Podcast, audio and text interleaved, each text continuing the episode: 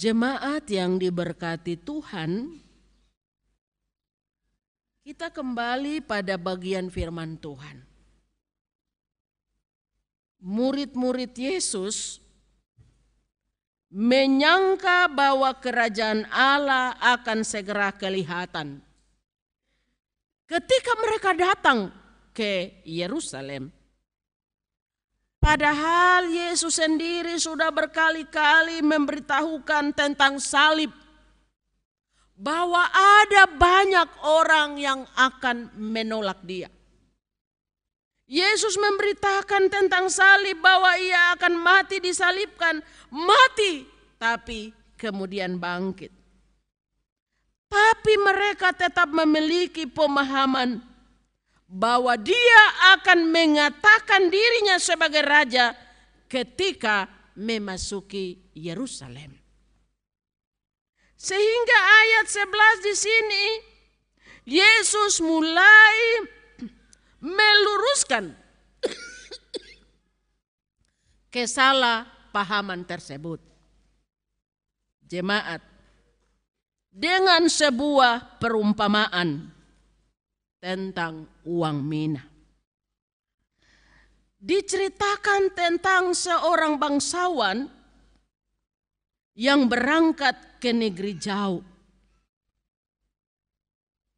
Ia memberikan sepuluh orang uang mina. Masing-masing satu mina. Itu kalau dihitung-hitung itu memang sebuah modal yang tidak besar. Modal usaha. Satu mina itu kalau diperhitungkan itu tiga bulan gaji. Kalau Bapak Ibu punya lima juta setiap bulan berarti itu lima belas juta. Tapi kalau Bapak Ibu punya gaji 2 juta, hitung saja ya 6 juta. Kalau kita punya gaji 1 juta ya hanya 3 juta. Sebuah modal yang tidak besar. Tapi Tuhan dan Tuhan yang memberikan modal ini menginginkan supaya hamba-hambanya menjalankan apa pun usaha mereka.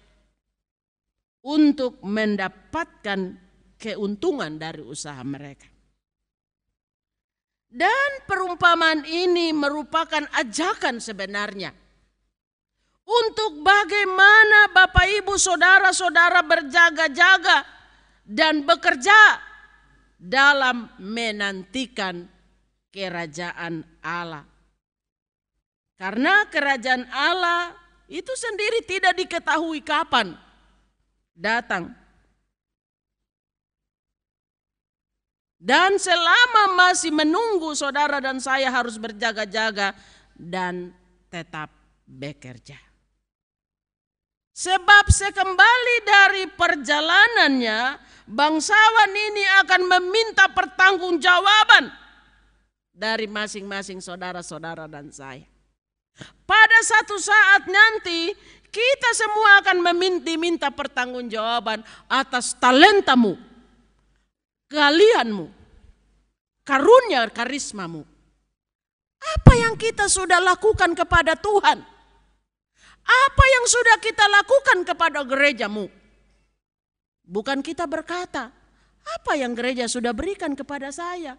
Apa yang Tuhan sudah berikan kepada saya, tapi kita akan diminta pertanggungjawaban apa yang sudah kita berikan kepada Tuhan dari semua talenta yang Tuhan sudah karuniakan kepada Bapak, Ibu, saudara-saudara, dan saya. Orang pertama ternyata dia datang yang dapat satu mina juga, dia sudah kembangkan sehingga menjadi sepuluh mina.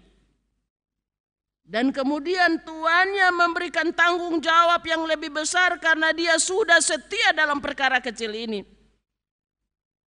Tuannya memberikan kuasa atas sepuluh kota. Begitu juga yang kedua. Dia datang, Tuhan, Tuhan punya satu mina ini, saya sudah kembangkan dapat dan dapat lima, lima mina. Tuhan bilang, ya ini lima kota Kau akan berkuasa atas lima kota karena kesetiaanmu. Lalu yang berikut lagi datang tidak mau menjalankan uang itu. Rupanya dia pulang, dia menyembuhkan uang, menyembunyikan uang itu di sapu tangan. Dengan berbagai alasan. Jemaat Tuhan, ketika kita melayani Tuhan itu ada berbagai resiko. Tantangan. Dan hamba yang ketiga ini tidak mau ambil resiko. Bahkan dia berpersangka buruk kepada tuannya. Dia takut, tapi tidak mau melakukan, menjalankan modal usaha itu supaya berkembang. Jemaat Tuhan, memang dalam melayani, melayani Tuhan itu akan ada resiko. Ya, hamba-hamba Tuhan, penatua dan syamaas, badan-badan unsur sudah mengalaminya. Ada yang ditolak, dihina, ada yang tidak diterima. Berbagai masalah dan persoalan ketika mereka melayani dengan sungguh-sungguh. Dan itulah yang dia takuti. Hamba yang ketiga ini dia tidak mau ambil resiko. Sehingga dia mengembalikan uang tuannya tanpa dia mau menjalankan modal itu. Lalu dia tuannya menyuruh orang-orang untuk ambil yang satu itu. Berikan kepada yang kesep, yang sudah menghasilkan sepuluh. Memang ada orang yang protes. Dia sudah dapat sepuluh. Tapi Tuhan tetap menyuruh dia. Orang-orang di situ untuk menyerahkan kepada yang sudah menerima sepuluh itu. Sementara apa yang ada pada hamba yang ketiga ini. Bukan saja uang yang dia serahkan, tapi apa yang dia punya Tuhan mengambil. Tuannya menyuruh untuk mengambilnya kembali. Karena semua yang ada pada Bapak Ibu Saudara-saudara itu bukan hasil usaha. Tapi semua adalah pemberian, semua adalah kasih karunia. Dan kalau semua pemberian, semua yang ada pada kita, kita tidak kembangkan untuk memuliakan nama Tuhan, pastikan bahwa Tuhan akan mengambilnya kembali. Untuk apa Tuhan memberikan talenta yang begitu bagus bagi Bapak Ibu Saudara?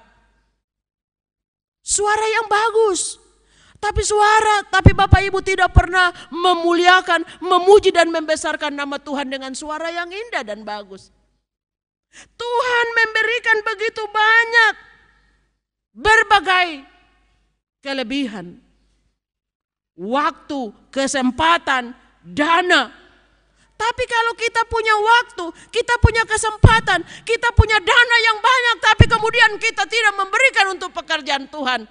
Tuhan bilang pastikan dia akan mengambil kembali. Lebih baik saya kasih untuk orang, orang yang bisa mengembangkan semua modal itu. Jemaat Tuhan. Tuhan Yesus pernah memperingati orang-orang yang mengikuti Dia. Barang siapa berusaha memelihara nyawanya, ia akan kehilangan nyawanya. Dan barang siapa kehilangan nyawanya, ia akan menyelamatkannya. Jadi, jadi itu itu janji Tuhan bagi Bapak Ibu Saudara-saudara. Kalau talenta yang kita kerjakan, yang sudah ada pada kita, kita tidak kembangkan untuk menjadi berkat bagi orang lain, pastikan bahwa satu ketika talenta itu betul-betul tidak berguna. Jemaat yang diberkati Tuhan. Pada waktu penghakiman terakhir, itu semua orang, Bapak, Ibu, saudara-saudara, akan mempertanggungkan, mempertanggungjawabkan apa yang telah kita kerjakan. Sikap kita, tindakan kita, perbuatan kita, apa yang sudah kita berikan bagi Tuhan, apa yang sudah kita berikan bagi orang-orang yang membutuhkan pertolongan kita, apa yang sudah kita kerjakan dan buat bagi gerejanya. Puji Tuhan.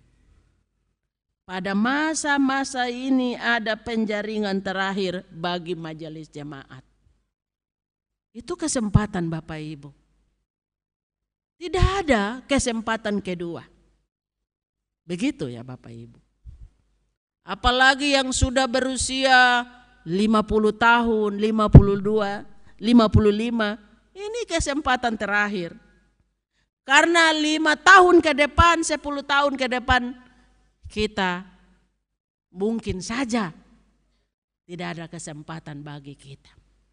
Jadi Bapak Ibu yang sudah punya kesempatan di mana Tuhan sudah memberikan modal usaha, modal kerja dan pada saat ini dalam penjaringan kerjakanlah.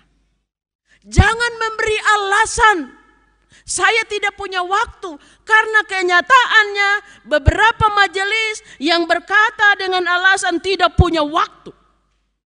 Tapi setelah mereka sungguh-sungguh menjadi majelis jemaat, bagi begitu banyaknya waktu bagi Tuhan. Ada amin?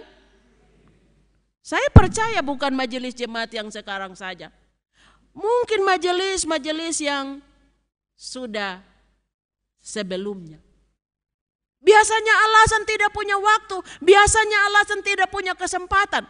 Tetapi ketika mereka membuka diri untuk mau melayani bagi Tuhan, ternyata Tuhan memberi begitu waktu, begitu banyak bagi mereka. Begitu kesempatan bagi mereka, kesehatan, kekuatan, berkat-berkat Tuhan. Mereka pakai untuk melayani Tuhan. Itu yang terjadi Bapak Ibu Saudara.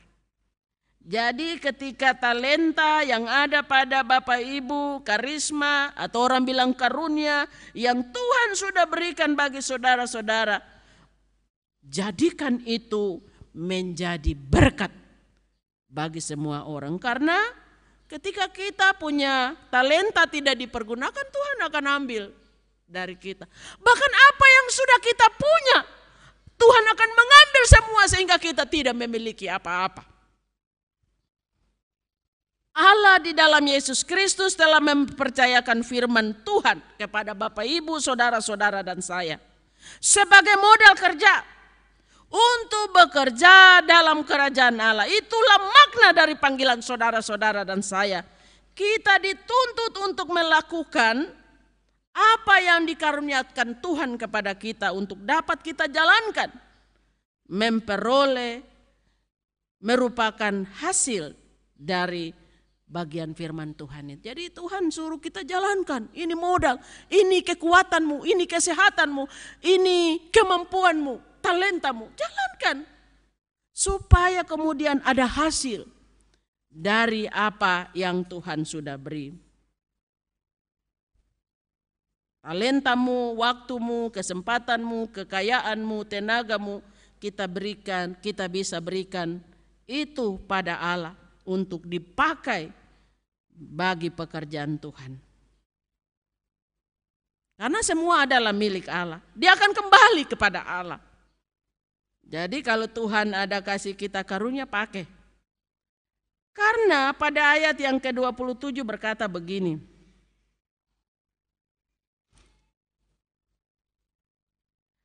Akan tetapi semua seteruku ini yang tidak suka aku menjadi raja Bawalah mereka kemari dan bunuhlah mereka di depan mataku. Sebuah ancaman bagi kita yang menolak dia. Menolak dia ya tidak mau bekerja, menuntut banyak ketika orang lain bekerja tidak setia, menuntut banyak ketika orang lain tidak bekerja dengan baik, selalu protes, majelis ini begini, pendeta ini begini, jemaat ini begini. Menyalahkan Yesus, menyalahkan Tuhan ketika, kita sakit dan tidak sembuh-sembuh. Jemaat Tuhan. Bagian ayat kan 27 mengatakan ada musuh-musuh Yesus yang tidak menghendaki bahwa Yesus adalah raja atas mereka.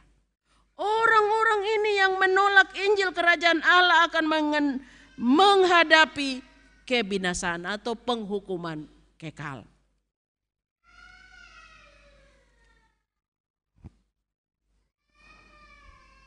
Jadi sekarang Bapak Ibu berada dalam dua pilihan.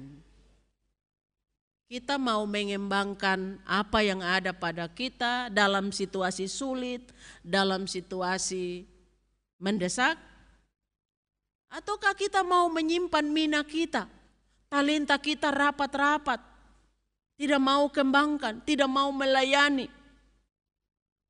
menolak dengan berbagai alasan.